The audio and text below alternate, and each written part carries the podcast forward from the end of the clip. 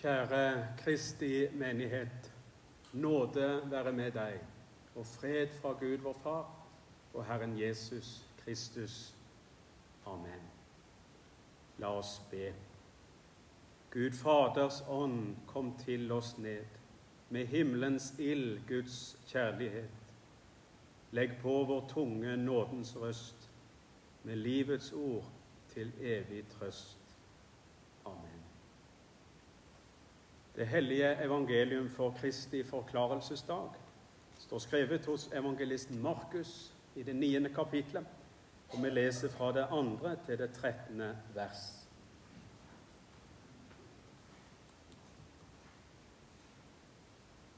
Seks dager etter tok Jesus med seg Peter, Jakob og Johannes og førte dem opp på et høyt fjell. Der var de for seg selv helt alene. Og han ble forvandlet for øynene deres. Hans klær ble så skinnende hvite at ingen på jorden som bleker klær, kan få dem så hvite. Og Elia viste seg for dem sammen med Moses, og de samtalte med Jesus. Da tok Peter til orde og sa til Jesus, 'Rabbi, det er godt at vi er her. La oss bygge tre hytter, en til deg, en til Moses og en til Elia.' Han visste ikke hva han skulle si, for de var slått av frykt. Da kom det en sky og overskygget dem, og en røst lød ut av skyen. Dette er min sønn, den elskede. Hør ham. Og med ett, da de så seg omkring, så de ikke lenger noen hos seg uten Jesus alene.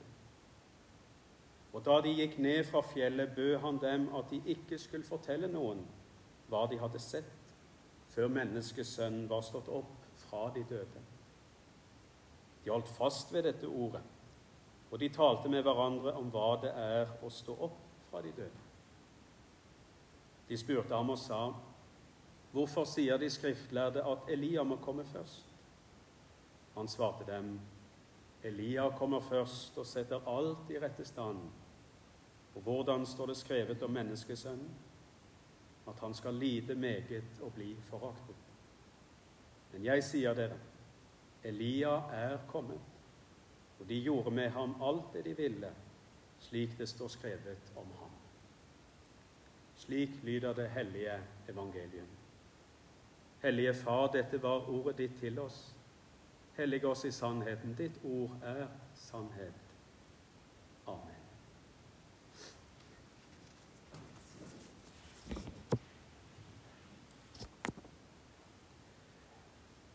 Mange av oss bærer på gode minner. Noen livsepisoder vi ikke ville vært foruten. Noen øyeblikk vi skulle ønske bare varte og varte for all tid. En herlig ferie, kanskje. Eller kanskje første gang din kjære smilte til deg. Eller kanskje en problemfri time i gode venners lag. En kunne få lyst til å bare bli værende i øyeblikket. En skulle ønske det aldri tok slutt. Rabbi, det er godt at vi er her. La oss bygge tre hytter, en til deg, en til Moses og en til Elia. Sier Peter i dagens evangelium. La oss bare bli værende her.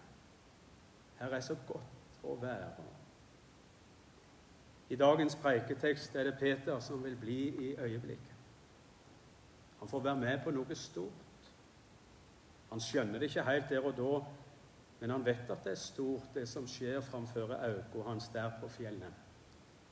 Og her vil han bli værende. Det er godt at vi er her. La oss bygge tre hytter. Det er mange som har latterliggjort Peter for dette forslaget. Det skal ikke jeg gjøre.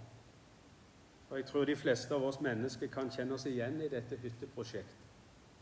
At vi gjerne skulle ønske at vi kunne bli værende i det gode øyeblikket for alltid. Det være seg ferien eller forelskelsen. eller som for Peter og mange etter han, ønsket om å bli værende i ei sterk åndelig oppleving. Dagens evangelium det handler om en fjelltur.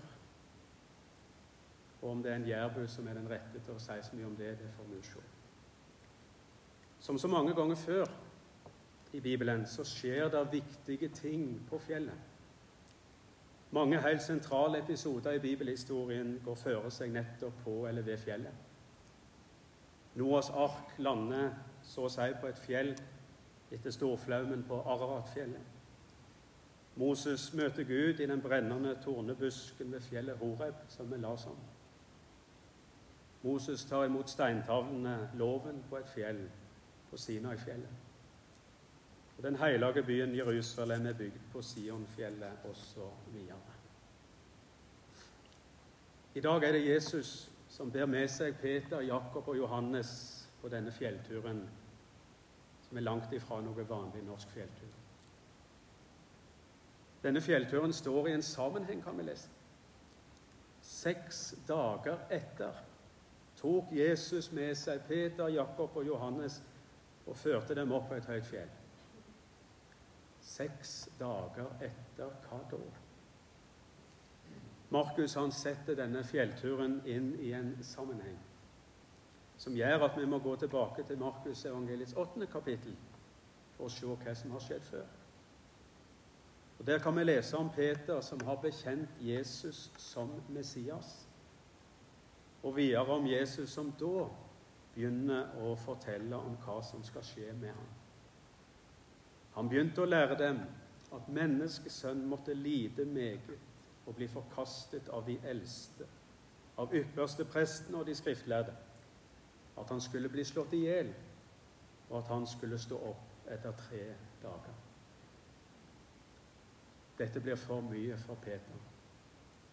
Og fra å vedkjenne Jesus som Messias så går Peter langt over streken. Vi får være vitne til en ganske rystende opplevelse. Peter tok Jesus til side og begynte å irettesette ham. Men Jesus vendte seg til disiplene og så på dem. Og han irettesatte Peter og sa, 'Vik bak meg, Satan.' For du har ikke sans for det som hører Gud til, men bare for det som hører menneskene til. Og så tok Jesus til forkynne om korset for læresveinene. Ikke bare det korset han sjøl skulle bære, men også det kors Jesu læresveiner må bære. Den som vil følge etter meg, han må fornekte seg selv, ta sitt kors opp og følge meg. For den som vil berge sitt liv, skal miste det. Men den som mister sitt liv for min skyld og for evangeliets skyld, skal berge det. Dette har vært rystende for læresveinen. En lidende Messias har de ikke kunnet forestille seg. De hadde andre tanker og forventninger. De så føre seg noe mer kraftfullt og majestetisk, kanskje. Forventningene deres hadde fått seg en knekk. Forvirringen var lett å kjenne på. Og seks dager etter denne rystende hendelsen hvor Jesus har gitt dem en røff forventningsavklaring, så er det Jesus tar med seg Peter, Jakob og Johannes opp på fjellet. Og fjellet det får stå som et symbol for utsyn, utsyn og overblikk. Og der på fjellet blir de vitne til noe stort. Jesus blir forvandla for øynene deres. Ansiktet hans skinner som sola, og klærne hans hvite som lyset. Som en lyskaster man har stått der før de. Den guddommelige herligdommen stråler fra ham. Men ikke nok med dette lyset, som alene må ha gjort et sterkt inntrykk. Det kommer mer. Plutselig dukker Moses og Elia opp to av Israels store. Moses kjenner vi. Han som førte dem ut av fangenskap i Egypt og fikk de ti bud av Gud på fjellet. Og Der er det en tilknytning til dagens tekst. Moses var òg ved fjellet og fikk kallet til å føre israelsfolket frelst ut av Egyptens land, slik vi las om det fra andre Mosebok. Og så var det på fjellet Moses tok imot Guds lov. Og nå møtes Moses og Jesus der på fjellet. Moses som representant for loven, for Guds lov. Og så kommer Elia, profeten som sto fram mot avgudsdyrkinga som var innført på hans tid. En interessant og spennende type, som både utfordrer avgudsdyrkende profeter til duell, og som får mat av ravner når han ligger i skjul. Og Denne duellen så å si, den foregår også på et fjell. Og består kort fortalt i at de ulike gruppene skulle bevise hvem som var den sanne Gud. Og Gud Fader han kommer til Elia på fjellet og viser at han var, er og være skal den levende og sanne Gud, i motsetning til avgudene. Og Elia han står på fjellet som representant for profetene, for Guds profeter. Og Disse to representantene de viser den djupe sammenhengen mellom Det gamle og Det nye testamentet. Det er den samme Gud som møter oss, og Jesus er Guds sønn. Slik som det blir stadfesta på fjellet når Guds røst lyder. Dette er min sønn, den elskede. Hør ham. Guds stadfesting av Jesus som hans sønn, den elskede. Det hans skrifter vitner om. Hele skrifter vitner om Kristus. Loven er gitt og peker fram mot Han som skal komme. Moses sier i 5. Mosebok en profet av din midte, av dine brødre, like som meg, skal Herren din Gud reise opp for deg, og ham skal du høre. Loven får sitt svar i Jesus. Dette er min sønn, den elskede. Hør ham. Og Profetene har fortalt om Jesus som skal komme. Så mange av profetiene var allerede gått i oppfyllelse. Et barn er oss født, en sønn er oss gitt. Og flere oppfyllelser skulle det bli. Og Jesus hadde nå undervist læresveinene om det profetord som snart skulle oppfylles for Jesaja, det som vi kjenner så godt. Sannelig, våre sykdommer har han tatt på seg, og våre piner har han båret. Men vi aktet ham for plaget, slått av Gud og gjort elendig. Men han ble såret for våre overtredelser, knust for våre misgjerninger. Straffen lå på ham for at vi skulle ha fred, og ved hans sår har vi fått legedom. Vi for alle vill som får, vi vendte oss hver til sin vei. Men Herren lot den skyld som lå på oss alle, ramme ham. Han ble mishandlet, han ble plaget, men han opplot ikke sin munn. Lik et lam som føres bort for å slaktes, og lik et får som tier når de klipper det. Han opplot ikke sin munn.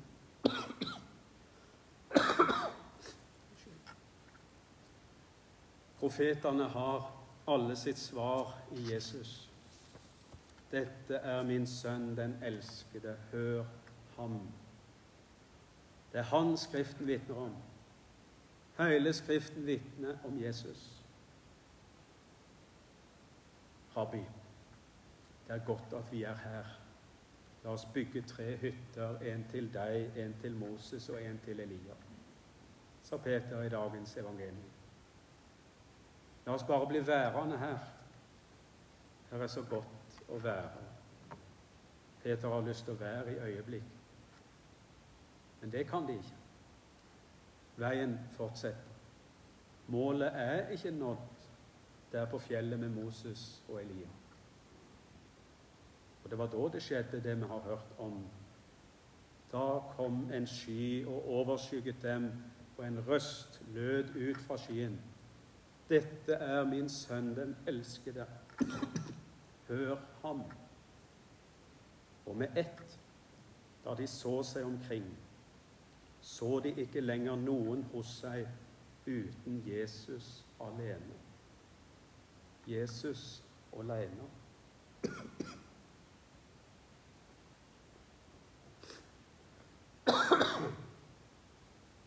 Moses og Elia blir borte. Skya blir borte. Og alene står Jesus igjen i sine hverdagsklær.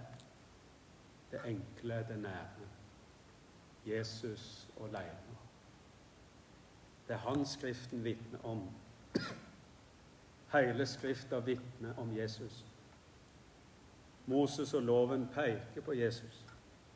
Elia og profetene peker på Jesus. Gud Fader peker på Jesus.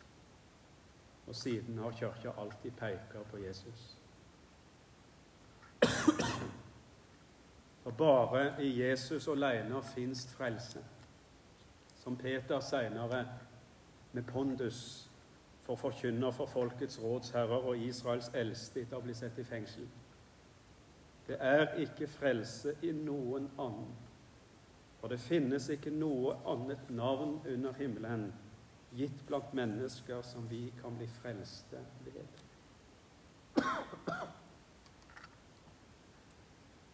Rabbi, det er godt at vi er her. La oss bygge tre hytter, en til deg, en til Moses og en til Elia, sa Peter i dagens evangelium. La oss bare bli værende her. Her er så godt å være. Peter vil bli værende i øyeblikket. Men det kan ikke. Veien fortsetter. Målet er ikke nådd der på fjellet med Moses og Elia. Det er ikke i de store åndelige opplevelsene. Målet er Jesus alene. Ikke mine eller andres forventninger. Ikke mine eller andres opplevelser. Ikke min sterke tru, ikke mine gjerninger, ikke mine ord, ikke mitt eget verk. Jeg ville gjerne eie så sterkt, ei tru så sterk og stor. Ei tru som kunne synes i gjerning og i ord. Men når mi tru sig sammen, og alt mitt eget verk, da har jeg bare Jesus, og da er trua sterk. Slik synger min sambygding Jesper Krogedal. Og hvor sant er ikke dette? At vi så gjerne ville få det til sjøl. At vi så gjerne ville ha ei tru så sterk og stor. At vi så gjerne ville vise, fram, vise det fram både i gjerninger og i ord. Og hvor ofte sammenligner vi oss ikke med andre. Se hvor de får det til. Se hvor stor og sterk ei tru de har. Men vi kjenner ikke det innerste hos Han. Det gjør bare Gud. Og takk og lov for det.